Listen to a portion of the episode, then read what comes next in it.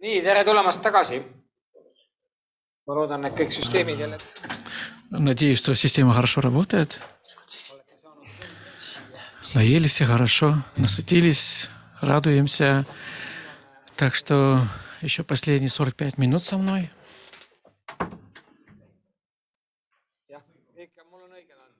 Да, я предполагаю, что я прав. До трех будем работать. После того пауза и тогда уже другой преподаватель будет продолжать работу. Так, мы продолжаем нашу тему и говорим о здоровье общины. И мы остановились до паузы вот тут.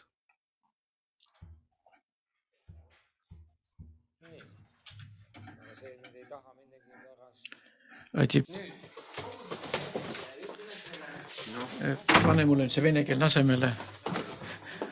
sul on vene keel? Для основания, не, не, э, see venekeelne tabel pane mulle ette. Бог дал для каждой общины то, что необходимо для роста. Мгм. Часто мы думаем, для роста надо что-то, что у нас нет. Но те, если мы рассматриваем, э, э, это для, что необходимо для роста и для развития, для здоровья церкви, это у нас уже есть.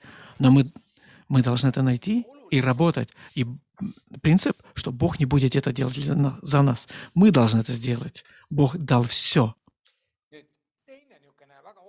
Второй, очень принцип важный то, естественный рост озна- означает, тут означает извлечение уроков из творения Бога, как Бог сотворил, и как работает вот этот мир. И в природе особо мы видим. У растений есть надземная и подземная часть. И также в церкви, в природе есть, э, в церкви есть, что мы видим, а есть то, что мы не видим. Так, что мы видим в церкви, но невозможно. Не, нельзя трогать, наверное. И, и это часть, что мы не видим. Но это, что мы не видим, это определяет то, что мы видим. Часто мы очень смотрим на то, что видно. Смотрим, что перед глазами. Но мы даже не предполагаем, что есть то, что не видно, но что влияет на этот процесс и здоровье. Это растение или организация, как он будет работать или функционировать. Так что можно сказать, ну, я уже не буду повторить, я уже сказал это все. Это очень важно. Мы учимся из творения Бога.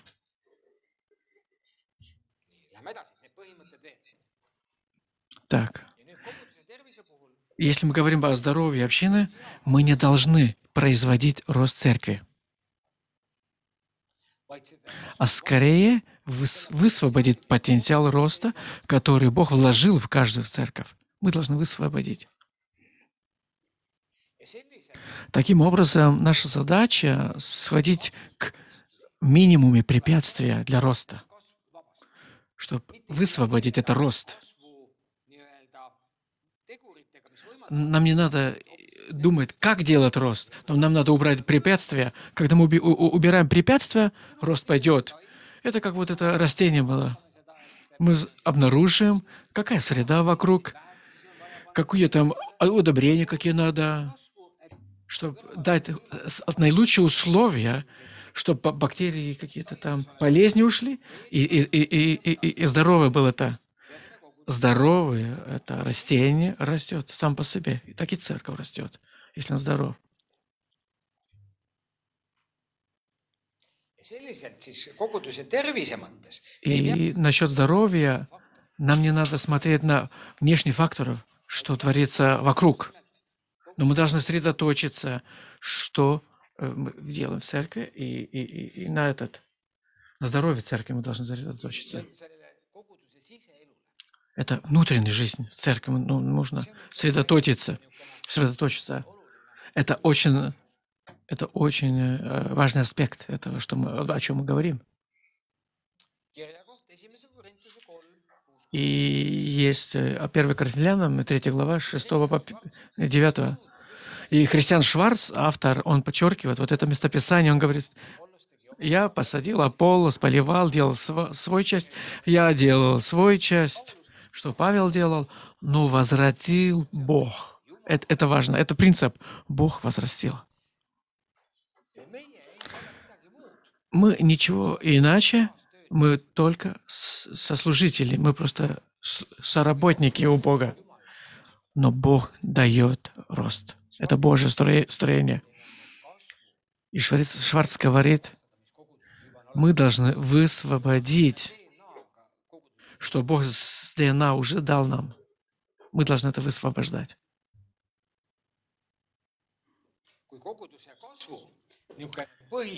Если вот это teeme, основная логика в церкви, кто мы делаем, как мы евангелизируем, как мы пойдем к людям, о, все пойдет. Нет. Если мы говорим про здоровье церкви, это, это повер- повернет наоборот все.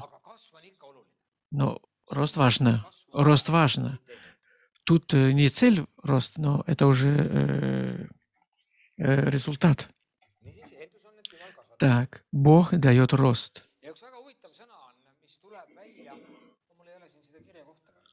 У меня нет этого местописания, но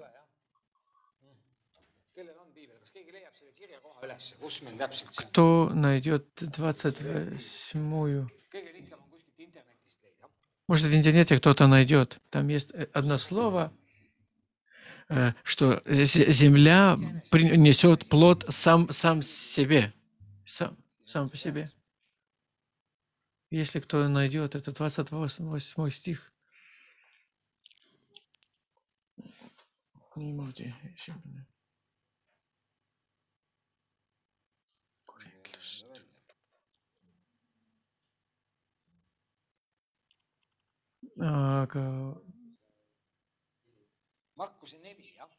Да, от Марка 4. see on salm kakskümmend kuus.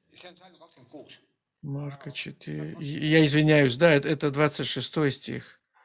Божье царство похоже на то, как если бы человек сосеял поле. Иисус говорит, Божье царство похоже на то. Он кинет семя и тогда засыпается, соснет. ülespäeval, Ночью просыпает, посмотрит, и теперь семя будет расти, сходят и растут, и он сам не знает как. Но ведь земля сама дает плод. Это параллели из э, сельскохозяйства, из природы. Это автомат, это оригинальное слово. Вы слышали на эстонском? Автоматы. Это древний греческий язык. Тут употребляет это слово. Конечно, это не автоматично, мы понимаем, потенциал есть в семени, но он будет расти, когда он в среде. И это то же самое, что Шварц говорит. Церковь, община, он создает правильные условия, и семя будет расти.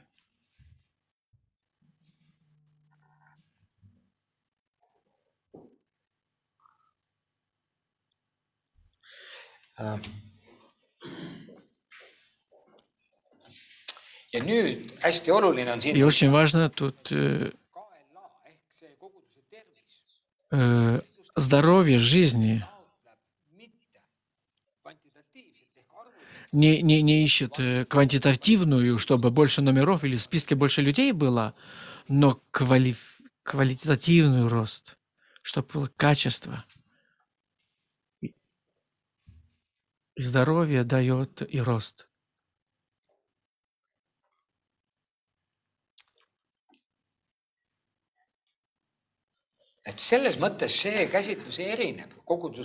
И это отличается теперь от, э, от движения э, роста, потому что тут мы думаем, что это естественно, рост естественно.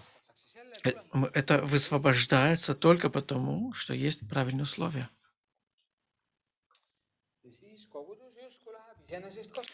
И будто тогда зарастет эта церковь сам по себе.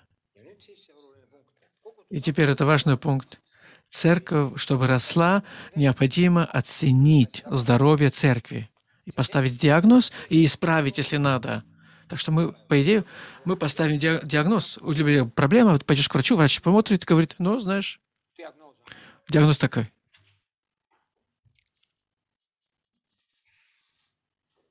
ütleb, et И Шварц говорит, что здоровье общины нельзя измерить с схожестью с аналогией проблемы. Его нужно измерить точно. И siis тот, тот тест мы видим, тут пример мы видим. NCD там 8 э, kvaliteetивных, э, see on. siin on kogudus, kelle keskmine oli kolmkümmend kaks там 32 было, такой средний, это очень низкий, кстати. И самый низкий был, э, это, что мы видим тут, мы не можем сказать, что это очень такой здоровый церковь. Тут очень много вызовов, очень много проблем и причин, где можно еще работать. Если кого-то интересует эта тема, в интернете полно материала, так что можете себе найти для себя и учиться. Первая с- домашняя работа теперь. Это есть. Воз- Возьмите эту и оцените на основе этих восемь. Я не требую исследования полного, но насчет этого по восемь пунктов делайте краткий анализ. Краткий. Как вот обстановка вашей церкви сегодня? Есть ли какие-то э, опасности, что есть препятствия, которые препятствуют росту церкви, а есть что-то хорошее, что поддерживает рост церкви? Так что домашняя работа,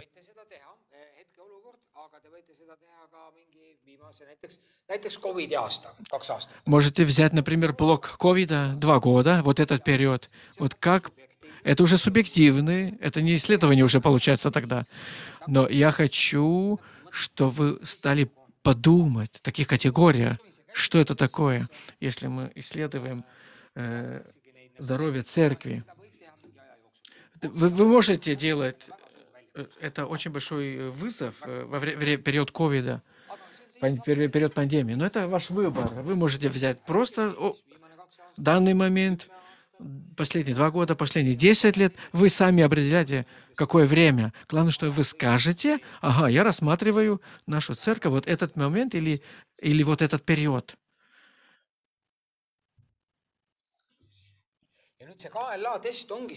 И это тест, э, это определение здоровья вашей церкви. Помогает узнать сильные и слабые стороны вашей церкви. Дает полную картину, и ты можешь смотреть, ага, есть такие, такие темы и, и об- общие. Общую картину полную дает. И теперь пересмотрим эти. У нас еще 15 минут. А, ну хорошо, полчаса тогда. juhtkond .– это наделяющий полномочием лидерства. ja nüüd siis И теперь это Кристиан Шварц, он говорит, что данные исследования говорят, что в общем плане Всемирная Церковь глобально есть склонность, что стиль лидерства, они, они направлены как спе- специалистами проектом, чем на людей. Ориентированы на проектом, чем на людей. Есть э, уклонность, наклонность и, и стиль авторитарный, не, нежели на, ориентирован на команду.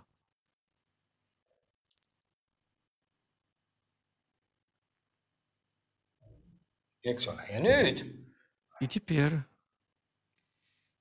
oluline on nagu mõista üldse важ- важно, важно понять, что это суть лидерства, суть. Это самый-самый суть или дефиниция сути, это то, что luua keskkond, eriti э, э, это, это создать церкви атмосферу, создать атмосферу, у которой все хотят внести свой вклад, и все, для всех хорошо. И тогда они сами хотят вкладывать, в свою очередь.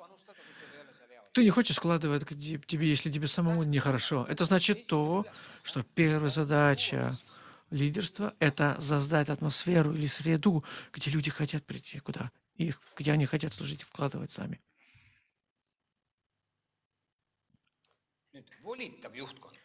Лидерство э, — это подход, они, лидерство, они не сосредоточатся, вот что они там делают, что вот, вот они там владыки, но они сосредоточены на то, чтобы поднять других, поддерживать людей, развивать людей, чтобы все люди, которые имеют какие-то дары, они могут воспользоваться своих даров и вкладывать в общее дело. Это значит, что руководство дает полномочия людям, что люди сами могут служить своими дарами в церкви. И Шварц говорит, что, к сожалению, многие мегацеркви, они влияют как пример, но в реальности эта модель в других средах или ситуациях не, не сработает, эта модель.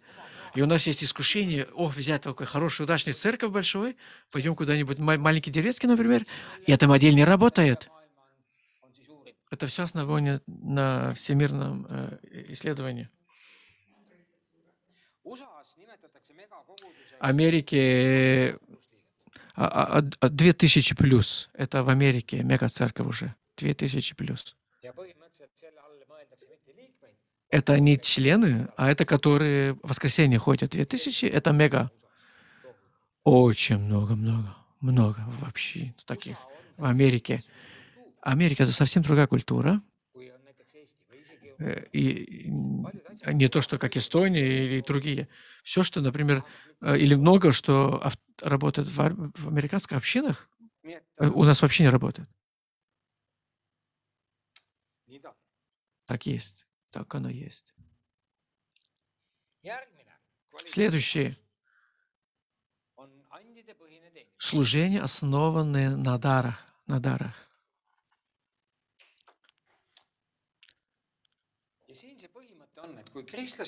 Когда христиане служат дарами в своих сильных сторонах, они действуют, они много бла- б- больше плодотворные, и они меньше делают это все в своих силах.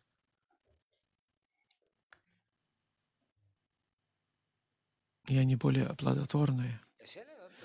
И потому Шварцков, он, он, он выработал такой тест э, духовных даров. Это называется Tricolor тест. В интернете все есть. Что мы делали в библейском школе. äh, kolm color word Это Tricolor Word. Äh, miks ma nüüd ei saa kirjutada Почему я не могу писать?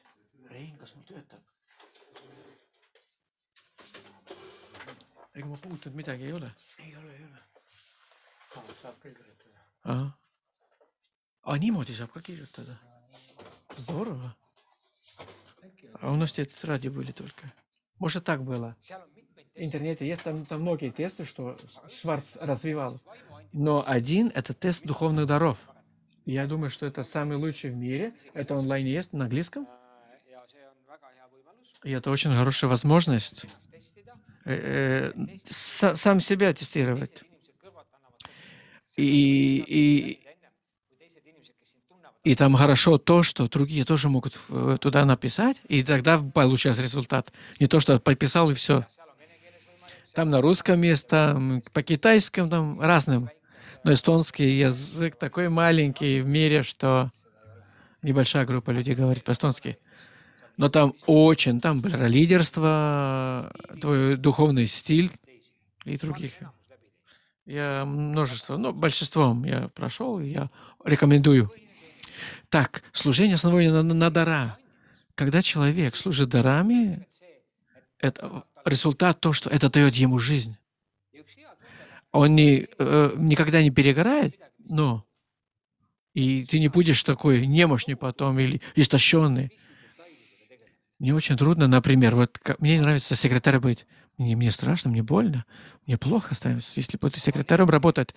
А есть люди, о, они прямо сидят, и им это так нравится. Ну, это простой пример. Э, Есть разные э, сферы, где люди работают или служат. Почему опять не идем дальше? Что мне надо делать?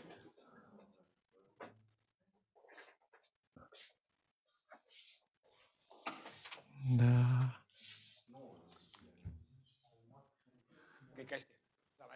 Так, дальше.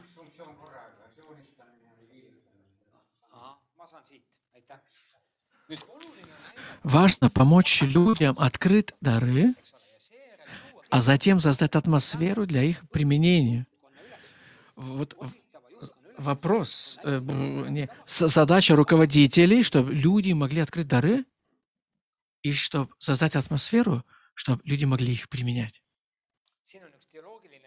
Э, теологическое э, общее э, священство или все, все, все мирные, всеобщие священство всех верующих. kõik on kutsutud teenima, Все призваны служить. Священство всех верующих. А не, не, не, не только священник работает или служит, или духо- дух- духовник. Все. Вся церковь, община — это священство всех верующих. И он говорит, что проблема в том, что многие христиане не знают свои дары и сильные стороны.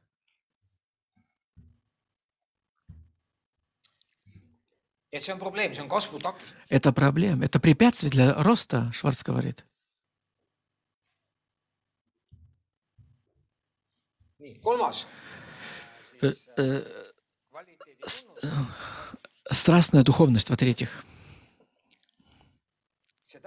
Это значит, что посвященные, это, это община, эти люди, которые в общине, они посвященные последователи Христа. Они любят Христа, они любят Иисуса. Они страстно любят Иисуса и практикуют веру с радостью. Они горячие. Это значит, что не только что ли- лидер такой в восторге, но церковь, большинство в общине, они активны в церкви.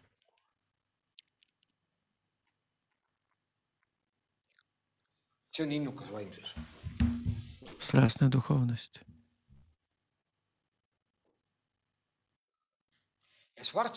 И Шварц говорит очень интересную вещь. Он говорит, что э, неважно молитвенная продолжительность молитвенной жизни, но а вли- а- а- а го- горячая ли твоя эта молитва и влияет на рост церкви. Кто-то говорит, я три часа. А если ты три часа молился, потом выйдешь как палка, вообще без чувств, а, а, а что, если ничего не получил? Если не сила из молитвы, ну, дальше что? Дальше молился три часа и что? Молитвенная жизнь инспирирует, она инспирирует, она наполняет меня, кормит меня, дает мне топливо, и после того я пойду и буду служить. И это влияет на рост церкви. Теперь что-то такое, энтузиазм, двигатель роста. Энтузиазм Иисуса — это энтузиазм, это, это, это двигатель роста. Как мы хотим, чтобы кто-то пришел в церковь и, и тоже вдохновился, если мы сами не вдохновлены? И Шварц говорит еще так, что секты, ну, такие крайние, такие, ну, крайние секты, полно энтузиазма, у них какая-то идея в голове, они растут. aga nende õpetus on vildakas. А искаженное учение недостаточно только э, энтузиазма. Это, это, это, это не дает успех.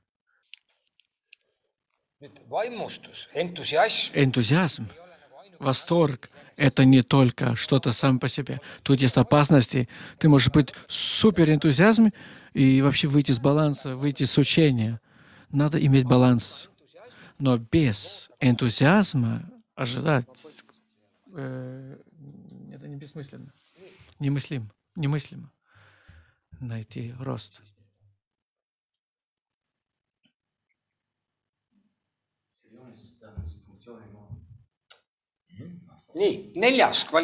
Четвертый, качественно, функциональная структура. Это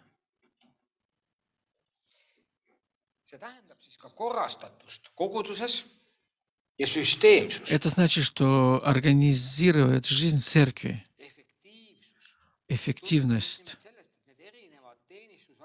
Это придет с того, что это все, это одно целое. Все, что мы делаем, у нас есть общий цель.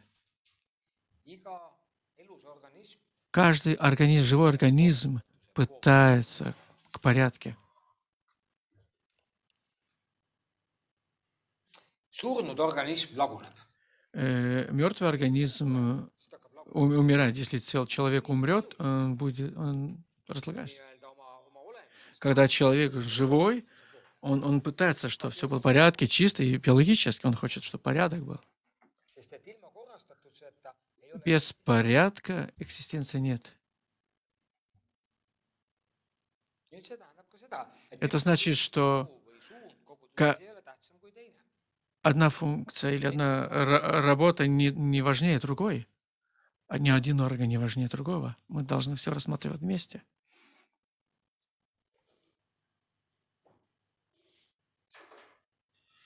И Шварц говорит еще, что тра- традиционализм – это противоположность. Что раньше было, э, может, это не обязательно сегодня автоматично так будет работать.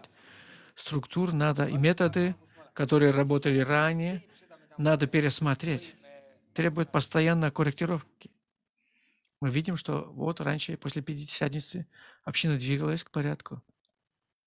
И мы сегодня см- рассматриваем, как мы можем сегодня это делать.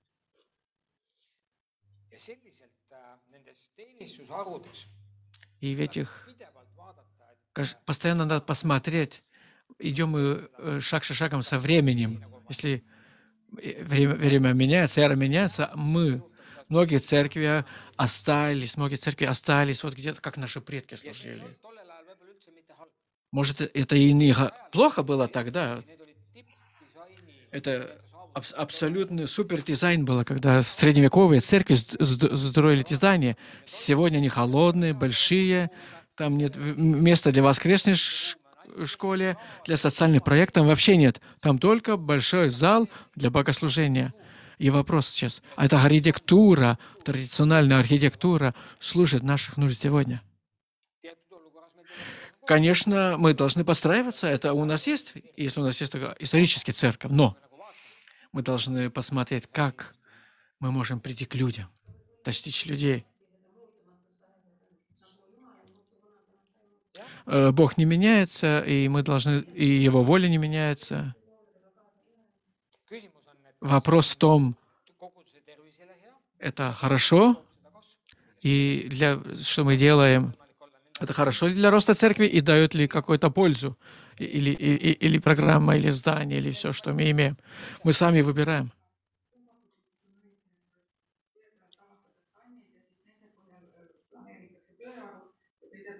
Но и, если вот э, расмо- откры- раскрыли свои дары, потом буду служить. Очень хороший вопрос. Я думаю, что тут нету так, что правильно так делать или так. Каждый церковь должен сам поставить свою цель, выяснить, какие они ситуации, потому что каждая церковь уникален. Если методологически говорит, а- откуда раньше дары найти и служить, или служить и потом. А, а я- я- яйцо было раньше или курица? Миссия была для церкви или те люди, которые были уже в церкви? Я думаю, что ми- миссия дали, миссию дали раньше, Иисус дал уже миссионерской э, команду, Он сказал, идите, идите по всему миру, делайте учеников, все народы, крестя их во имя Отца и Сына, и учите их делать, что я сказал. Вот чет- четыре масштабных задания Он дал. Ну, потом э, ран- ранее церковь еще добавит там,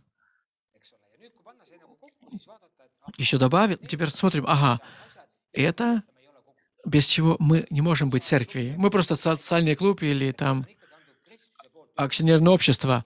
Но Христос дал задание. Мы не даем себе задачи. Христос дал нам задачу. И эти люди, которые у нас есть, мы смотрим, ага, каких мы можем сейчас совершить какие задачи и для каких надо еще прибавить людей. Я, я, я сам лично могу начинать с это, задачи, но с другой стороны, люди не, не не меньше важны. Это все зависит. И я не могу сказать, что такой или такой подход будет правильный. Это помог тебе? Да.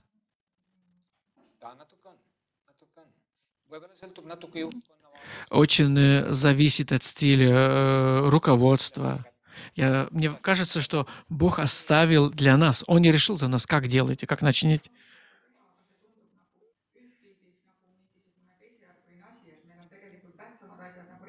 Мне кажется, что мы просто делаем, делаем, а самые важные у нас где-то вот болтаются еще. Мне так кажется в общем плане. И тогда вопрос просто появляется во мне. Но это дилемма. Это, это руководство всегда имеет эту дилемму. И, и, и, и самое плохо, что мы можем делать в церкви, это убить ини- инициативу. И, конечно, это тоже э, плохо, когда мы все сломаем, и люди не знают, куда они идут, и каждый делает, что хочет.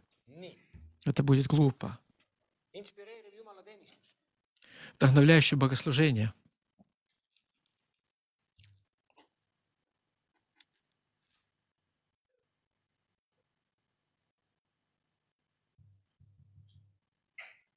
See lause siin, et see ei mõjuta Это- koguduse kasvu, käib selle kohta, et vahet ei ole, kas teenistus on suunatud Нет разницы, нет разницы, ты служишь верующий или, или неверующий. Тут нет разницы.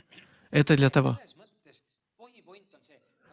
Суть в том, это вдохновляет людей, которые люди придут, они верующие или неверующие, вдохновляет. О, хорошо, вот здорово. Я пойду буду тоже делать, что Бог хочет, что мне. Богослужение дает это духовное топливо людям, что они зажигаются и будут служить. Я был э, некоторое время назад, в воскресенье, там на улице Вене, э, Мисса, э, у католиков полно людей. Ну, там где дети бегали, бегали, там много людей, в основном там в среднем возрасте. И такой полно жизни. И, и, и Мисса, и как все участвовали в это. pingis, aga nad osa Не просто вот сидели, как куклы, нет. И, и они пели, у них там своя система, я там не разбираю все, но все это литургия как была сделана, я думал, такой живой церковь. И это такой инспирированный, такой вдохновляющий. lähed И ты чувствуешь, когда ты идешь куда-то, ты чувствуешь, эта атмосфера тут. Есть там электро чуть или чуть интересно, что будет. Мы придем, мы видим друг друга. Сегодня красивый день будет. И у нас будет такое хорошее время. Или придешь, смотришь, опаздываешь, сядешь, смотришь еще. Думаешь, ну что тут будет? И потом все, ушли и все. Это отвечает, это никто не сотворит, это руководство отвечает за это. Это руководство вдохновляет. И Шварц говорит, если это привлекает людей, люди сами будут приходить. Потому что э, это распространяется, что «О, там круто было, пойдем туда». А я просто думаю, если думать, как церковь, вот это э, люди в каком возрасте, там для молодых делать такое, в среднем, в среднем возрасте, вот им по-другому что-то делать, может, что, что мы молодым делать, может, это пугает их,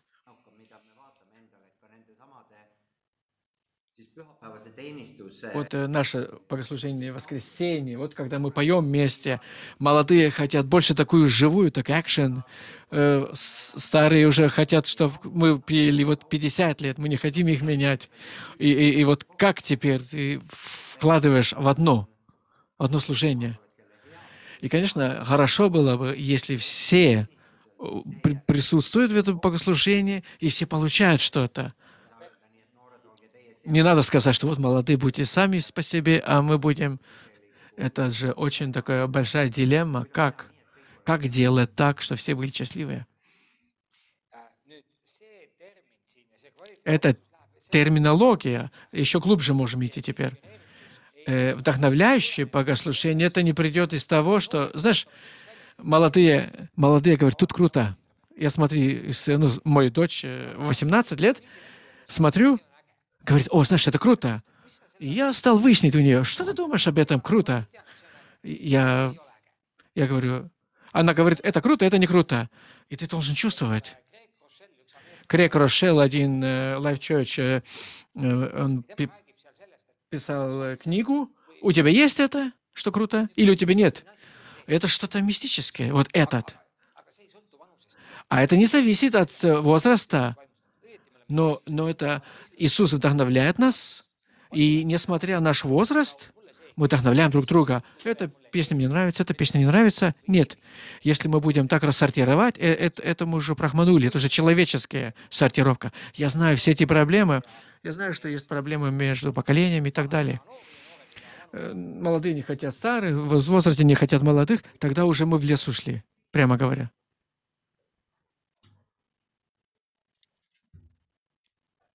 see on niisugune vaimu И это, это, это, это духовное вдохновление. Это не то, что вот какая песня была.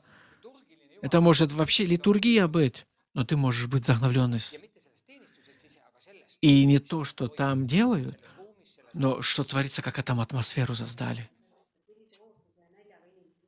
Это очень важно с какими ожиданиями ты пойдешь.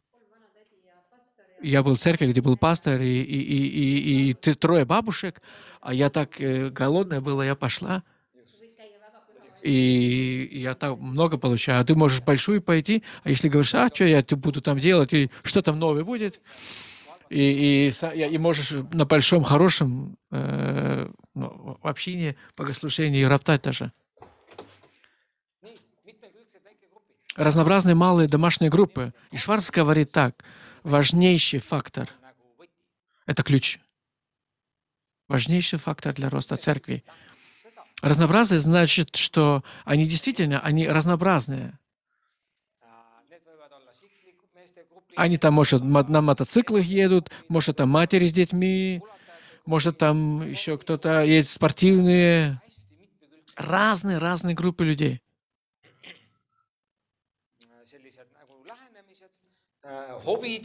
Хо- ну, хобби у кого какое.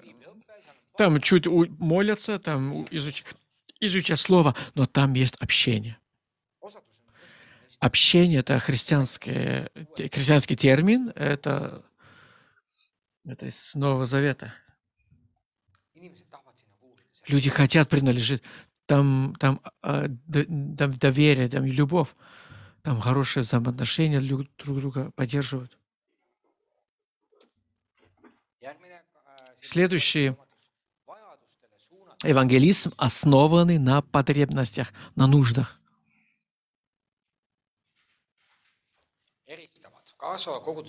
Подчеркивает, подчеркивает, что растущие общины замечают и поощряют дар евангелизма. Некоторые не имеют дар, но они пустят, что эв- евангелисты идут вперед. И где есть нужды, они направляют свои свидетельства евангелизм на то, на то, где есть потребности и нужды людей. Все усилия евангелизации на служение нуждающим людям.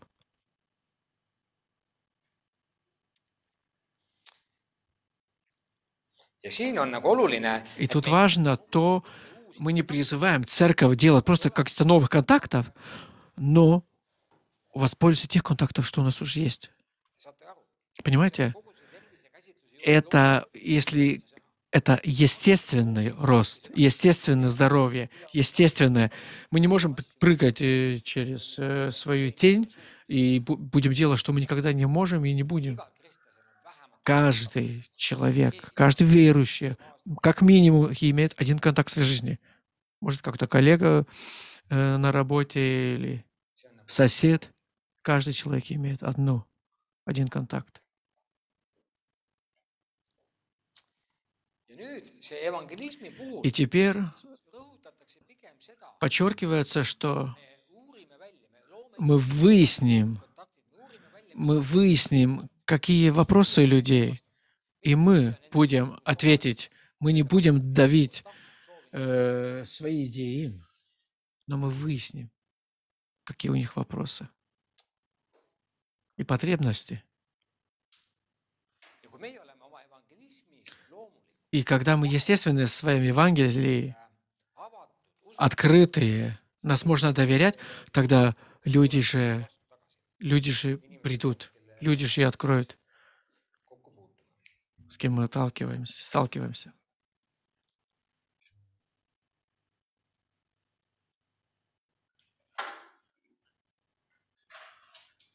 survet Это не просто заставляет э, неверующего присоединиться к программе или группой,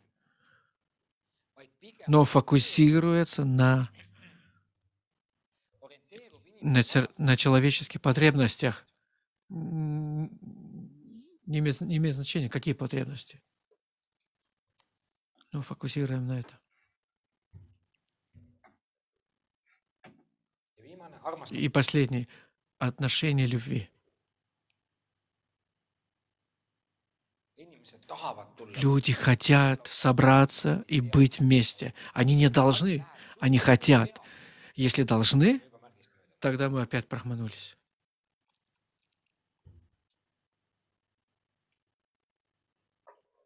И отдельная тема. Как много людей общаются вне в стен церкви? Шварц говорит, что коэффициент любви в растущих церквях выше, чем уменьшаюсь. Это значит, что я скажу в Эстонии также те церкви, где мы доверяем друг друга, где мы любим друг друга, это ключ, и это видно где, в тех церквях, где люди церкви растут. Например, улыбки. Все, хватит на сегодня. Итог. Э, ударение на э, качество 8. siin võite vaadata see on eesti keeles Тут есть э, ссылка, это на эстонском, это на, на русском есть. Вы найдете на русском это.